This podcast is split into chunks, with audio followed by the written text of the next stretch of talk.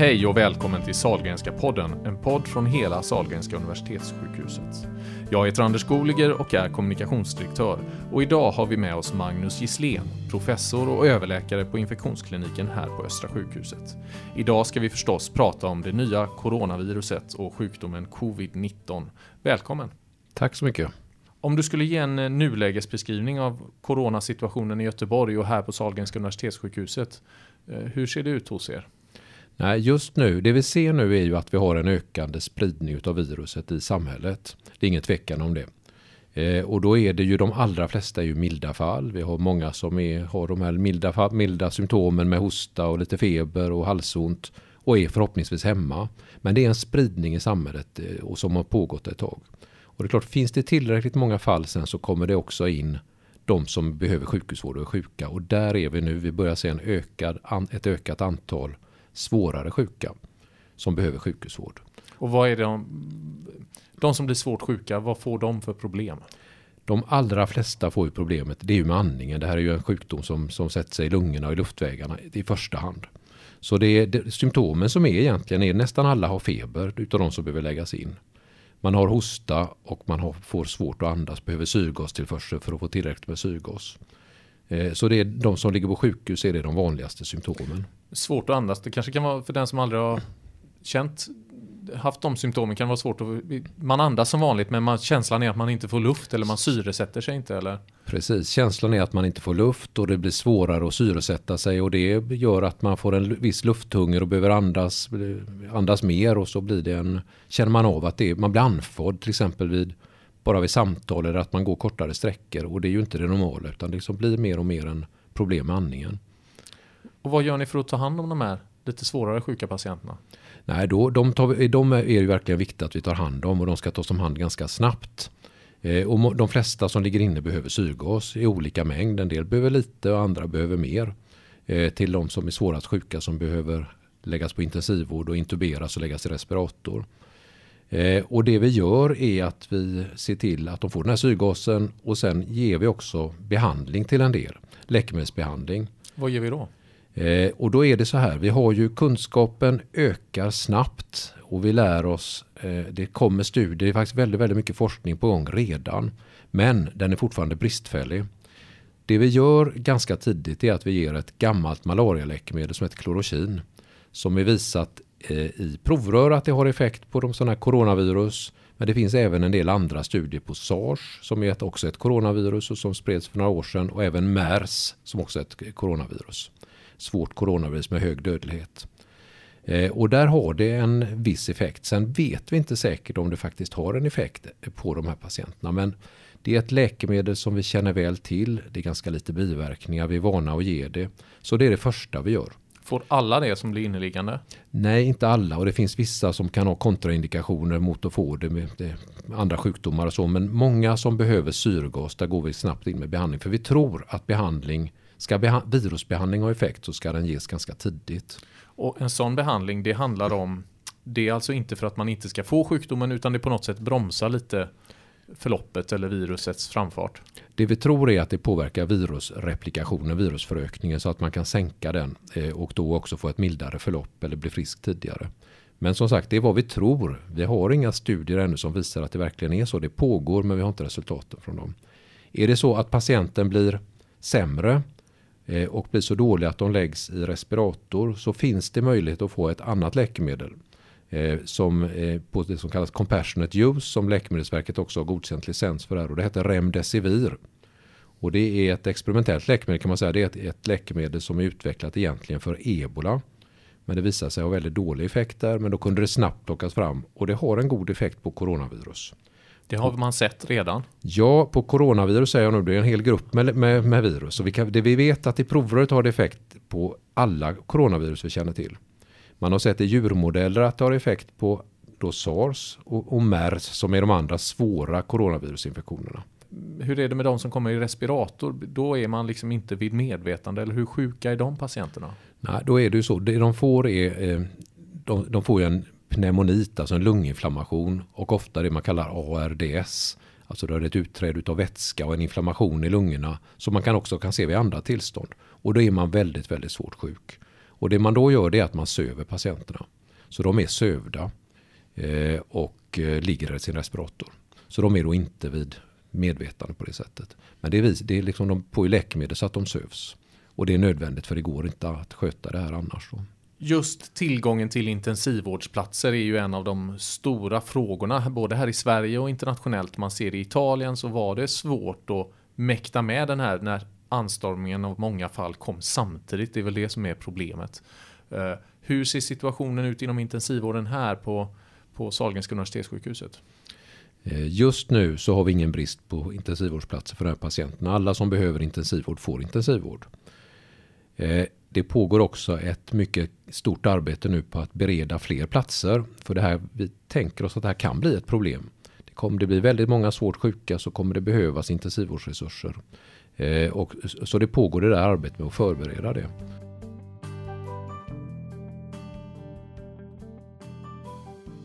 om du nu har en patient som är de, de allra svårast sjuka, sövs, hamnar i respirator och där ligger man i snitt i tre veckor har jag hört dig tala om, eller i alla fall en längre period. Ja, i studier har man ju sett det, framförallt från Kina och även från Italien där det kommer nu. Och det är, ofta två, kanske tre veckor. Men sen finns det ju de som blir bra tidigare. Och det har vi också sett att vi har kunnat få ur patienter ur respirator och de, många utav dem blir ju bra. Ja, för det var det som var min fråga. Vad händer då så att säga? Kan man tillfriskna och bli normalt sen? Absolut. Många som, som läggs i respirator det är ju ändå en understödjande behandling om man vill se till att patienten överlever den här värsta fasen. Och många gör ju det. Sen är det undantag och det finns de som inte klarar sig och dör. Men de flesta klarar sig faktiskt. Och det kan ta olika lång tid. Det, I vissa fall tar det bara några dagar medan andra fall kan ta flera veckor. Får man några skador på lungen? Har det liksom uppstått någon förändra viruset någonting eller är det mer att när det väl lämnar kroppen och kroppen vinner över detta så att säga så blir man återställd? Eh, det kan nog vara lite olika det också men, men i princip så kan man bli helt återställd. Sen finns det några som kan få eh, restsymptom från lungorna och kan få lite mindre symptom och kanske även värre symptom. Det beror lite grann på hur allvarlig sjukdomen är. Eh, och vi vet inte ännu riktigt här hur stor del av de som tillfrisknar efter att ha varit väldigt sjuka som har en nedsatt lungfunktion efter det. Eh, så jag kan inte riktigt svara på det. Men en del och många blir i princip återställda. Jag har ju varit med och lyssnat på dig på ett möte där du gick igenom forskningsläget och det var så intressant just det här att mitt i ett sånt här jätteflöde ändå orka ha ett steg tillbaks och fundera igenom vad är det vi vet? Varför är det viktigt? Jo, men det är extremt viktigt. Är det. det här är en ny sjukdom och vi måste ju lära oss både hur den ser ut i sitt naturalförlopp och vad som händer men också hur man kan behandla den. Man kan inte riktigt gissa sig till det. Det kan ju vara så att de behandlingar som teoretiskt vi tror ska fungera kan vara verkningslösa eller till och med skadliga. Så därför klart forskning måste till där vi verkligen utvärderar hur är det med behandlingar. Sen också eftersom vi måste lära oss hur, är det, hur smittsamt är det, vilka smittar, vilka smittar inte. Eh, hur mycket finns det som är mild sjukdom till exempel, hur mycket smittar de? Så det finns extremt många olika saker man måste lära sig och enda sättet att göra det, det är att göra forskning. Sen gäller det att hinna med och, hinna, och göra det samtidigt som man tar hand om de här patienterna. Men det, vi försöker göra så gott vi kan. Och då kom jag in på, igår kväll innan jag skulle eh, göra den här intervjun med dig så la jag ut på Twitter och bad, bad om förslag på frågor och, och, det har bara rasslat in förslag på frågor. Så mm, jag tänkte gå igenom. Ja. Mm. Och en, del, en hel del, man märker ju också att väldigt många där ute i samhället har, läser på och det finns ju ett jättesug efter kunskap om coronavirus. Vad är det vi vet? Jag tänkte ta några av de här. Den ena handlar eh, om detta med att det finns olika varianter av viruset. L och S står det här. Jag, jag, kan själv inget om detta, men stämmer det? Ja, det stämmer och mycket, det, det, vet man att det stämmer. De har sett det i Kina. Men vad det betyder, det är fortfarande oklart. Är det så att den ena varianten är mer aggressiv än den andra? Är det så att den ena sprider sig mer än den andra? Det är fortfarande väldigt okänt. Men, men det är ju sånt som den virologiska forskningen faktiskt håller på med nu. Detta med äldre och riskgrupper och kontra yngre, kan du säga något om det? För nu det kommer ju fler och fler rapporter om att även från Italien har man ju sett att det är inte riktigt så att det bara är äldre, även om det är mest äldre som drabbas svårt. Mm. Hur ser det ut? Precis så är det. Det är klart att ju äldre man är, desto större risk har man att bli svårt sjuk. Eh, de som är över 90 har en klart högre risk än de som är under 60 till exempel. Men det är en, som en riskfaktor. Det är ju inte så att alla som är över 90 blir svårt sjuka. Men det är större risk att de blir det. Och vi har ju sett det att dödligheten är klart högre till exempel för de som ligger är, är över 80 år. Eh, och så går det neråt och de som är under kanske 50 där är dödligheten väldigt låg. Men den är inte noll. Och det är klart, har man då ett väldigt stort antal personer som är sjuka och smittade och sjuka samtidigt så blir det en del unga som också blir svårt sjuka och behöver intensivvård och kanske till och med dör. Så så är det. Eh, men det är klart att riskfaktorerna säger egentligen bara att du har en högre risk att bli svårt sjuk. Det är inte så att det 100% blir utan en högre andel än de som inte har några riskfaktorer. De andra riskfaktorerna vi har sett och som finns i studier det är ju andra sjuk, kroniska sjukdomar. Man har sett det med hypertoni, man har sett det med, med högt blodtryck, högt blodtryck hjärt-kärlsjukdom. Eh, man har sett med diabetes mellitus, eh, sockersjuka och också eh, kronisk lungsjukdom. Däremot är det lite oklart hur stor riskfaktor det är. Eh, tycker jag när man läser studierna. Sannolikt är det så att man har man en svår lungsjukdom att man har en större risk när man blir sjuk att få eh, problem med sina lungor. Men det, det, har inte fallit ut i de studierna som har gjorts tidigare att det är en jättestor ökning av risken där. Men högt blodtryck och diabetes det är ju två verkliga folksjukdomar. Så det är klart att det är ju säkert många som kan känna sig oroade över det, att det är en riskfaktor. Absolut, och sen är frågan då vad egentligen är det som står för? Är det så att diabetes mellitus som är välbehandlade är riskfaktor? Eller är det så att de som har en dålig behandling, att det är där riskfaktorn finns? Det vet vi inte riktigt. Det har studierna inte riktigt tittat på. Eh, och är det så hypertoni eller högt blodtryck, det är ofta så att många, att det kanske är så att de som har högt blodtryck också har andra risk, liksom sjukdomar som gör att det är då det är en risk, att det inte bara är högt blodtryck som är en risk. Men fortfarande är det så, det måste man vara ärlig och säga, vi vet inte riktigt. Nästa är ju kring det här med immunitet. Den som har varit sjuk i, i covid-19, blir, blir den personen immun? Eh, vi har inte alla data ännu men allt talar för att man blir immun under, åtminstone under en period. Andra coronavirus gäller det för och det vore väldigt konstigt om inte det skulle gälla för detta coronaviruset också. Så det, sannolikt är det så att man blir immun, sen kanske den immuniteten inte är livslång men under åtminstone flera år. Det, det är vad vi tror. En annan fråga som kom in, det var, och jag kan också, eh, det var också något jag tänkte på själv. Jag cyklade nämligen hit eh, till Östra det var ju inte så varmt, men det är klart att man känner ändå någon sorts vår i luften då, eh, även i, denna, i detta, mitt i detta utbrott så kan man ju ändå se lite knoppar på träna och då kommer ju den här frågan, kan en vår hjälpa oss? Kommer det här att mildras, eh, utbrottet, om det blir över 10 grader per dygn till exempel? Eh, det är en jättebra fråga. Eh, och anledningen man överhuvudtaget diskuterar det är ju att vi vet att de här luftvägsvirusen som vi har nu har en säsongsvariation. Det gäller influensa, det gäller andra coronavirus. Influensa är ju inget coronavirus, men andra coronavirus som ofta är bara i förkylning. Att de är, det är som mest på vintern och så försvinner de sen fram på våren för att komma tillbaka på sen höst. Sen är det ju så här då att här är, vi vet inte här. Är det så samma sak som händer med detta viruset? Det är ju en lite annan situation därför att här finns ju ingen immunitet i samhället. Vi har ingen som är immun mot den. Det är en helt ny infektion så det behöver inte vara på det sättet. Men förhoppningsvis är det. Det som också kanske kan tala emot det, det är ju att även i länder med värme, hög luftfuktighet så har man en spridning av viruset just nu, även i en del tropiska länder. Italien till exempel, där är det inte ett tropiskt land men man har ju en temperatur över 10 grader och du har en spridning. Vi har i Spanien på samma sätt. Så vi får, vi får se vad som händer. Förhoppningsvis så kan det bidra till att man minskar spridningen. Men eh, ja, det återstår att se. Vad är din stora farhåga den närmsta månaden här? Från ditt perspektiv? Eh, farhågan vi har det är ju att vi ska få så många patienter att vi inte klarar av att hantera dem på ett bra sätt. Det är den, det är den stora farhågan att det blir den italienska situationen. För där har det varit ett jätteproblem och är fortfarande ett jätteproblem i norra Italien.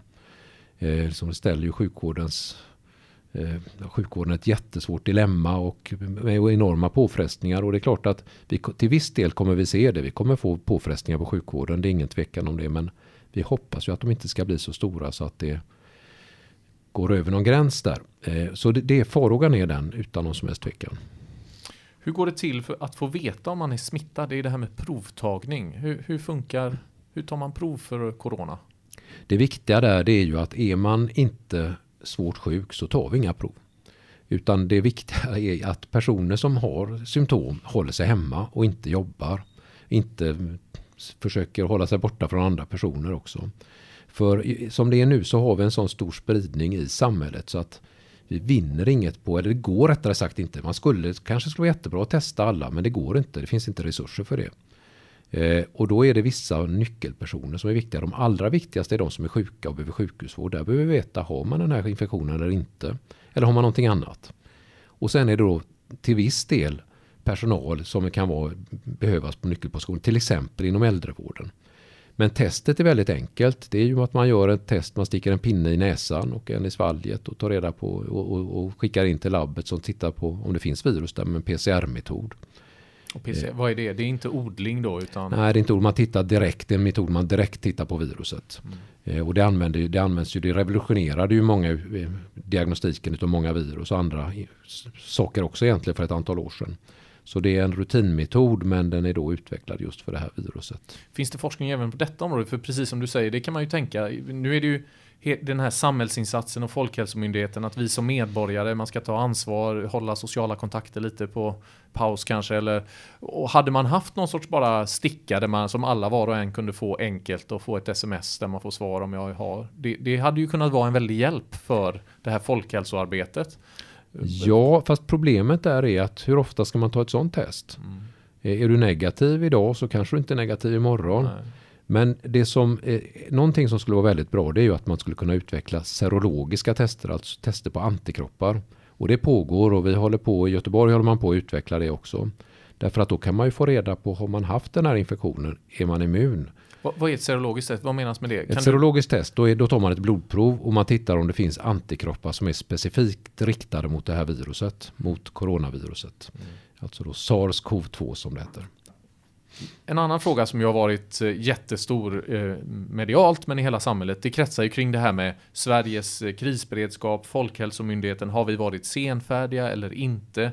Borde vi ha vidtagit mer åtgärder eller inte? Från din horisont så att säga, du är, du är sakkunnig inom infektionssjukdomar. Vad, hur, hur, ser du på myndigheternas samlade arbete så att säga för att smittspåra eh, och motarbeta smittan i Sverige? Jag tycker, vi, vi, har en oerhört kompetent folkhälsomyndighet i Sverige. Det sitter experter och jobbar dygnet runt med expertis i om, olika områden. Eh, de väger för och nackdelar med olika åtgärder och kommer med, med förslag och med eh, rekommendationer som är väl underbyggda. I efterhand kan förstås en del av de här visa sig vara kanske inte var de allra bästa men alla de här rekommendationerna är oerhört väl genomarbetade. Och även om jag har jobbat med infektionssjukdomar och epidemier i hela mitt yrkesliv så är min expertis oerhört mycket mindre än vad, det, vad myndigheten ser. Så jag tycker personligen att de har gjort ett alldeles strålande arbete och fortfarande gör det. Eh, det är, och dessutom tycker jag vi ska berömma våra politiker i Sverige som inte rusar iväg och tar massa populistiska beslut utan verkligen lyssnar på de som är experter och följer det. Jag tycker det är fantastiskt och det ska vi vara tacksamma för. Det kommer en dag även efter coronaviruset, eller? Absolut, så är det. Och det här det är klart att vi nu kommer en svår period framöver. Eh, det finns en sak som jag tycker också är väldigt positiv. Man skulle kunna tänka sig som en del andra sjukdomar att det här skulle drabba våra barn och våra ungdomar som skulle bli svårt sjuka och dö. Men det gör de i väldigt liten utsträckning och jag tycker det är oerhört positivt. Sen är det klart inte roligt om det blir äldre och medelålders som, som borde bli dåliga men det hade varit ännu värre om det var barn och ungdomar. Men så är det förstås och det här är en epidemi. Till slut kommer tillräckligt många haft den för att vi ska ha en immunitet i samhället och då kommer det bli ett mindre och mindre problem. Så är det med alla epidemier. Tack Magnus Gisslén, professor i infektionsmedicin, kombinationsanställd och eh, eh, överläkare här på infektionskliniken Östra sjukhuset i, inom Sahlgrenska universitetssjukhuset. Eh, är det någon sista hälsning du vill göra nu till allmänheten kan man väl säga? Nu har du, är det något som alla ska tänka på tycker du nu Eh, när det gäller coronautbrottet? Ja, jag tycker vi kan inte hindra det här utbrottet så det viktigaste man kan göra är att följa myndigheternas råd som är väl underbyggda. Stanna hemma om du är sjuk, besök inte de som är äldre eller på annat sätt i är riskgrupper utan låt dem, tyvärr måste de isoleras en period, man får hjälpa till på annat sätt. Jag tror det är det allra viktigaste. Eh, och sen kan jag också säga att det är ju sjukvårdspersonalen jobbar enormt mycket nu. De kommer behöva jobba ännu mycket mer och det gäller all personal från sekreterare till undersköterskor, sköterskor och läkare och det, de gör ett enormt jobb som vi är väldigt tacksamma för att man gör och det gäller alla kliniker. Det här är, och samarbetet funkar perfekt som det ser ut nu. Du lyssnar på Salgrenska podden, en podd från Salgrenska Universitetssjukhuset. Jag som har intervjuat idag heter Anders Goliger och är kommunikationsdirektör. Har du synpunkter på podden eller frågor eller tankar om gäster som vi borde ha in med oss framöver så får du gärna höra av dig till mig. Tack!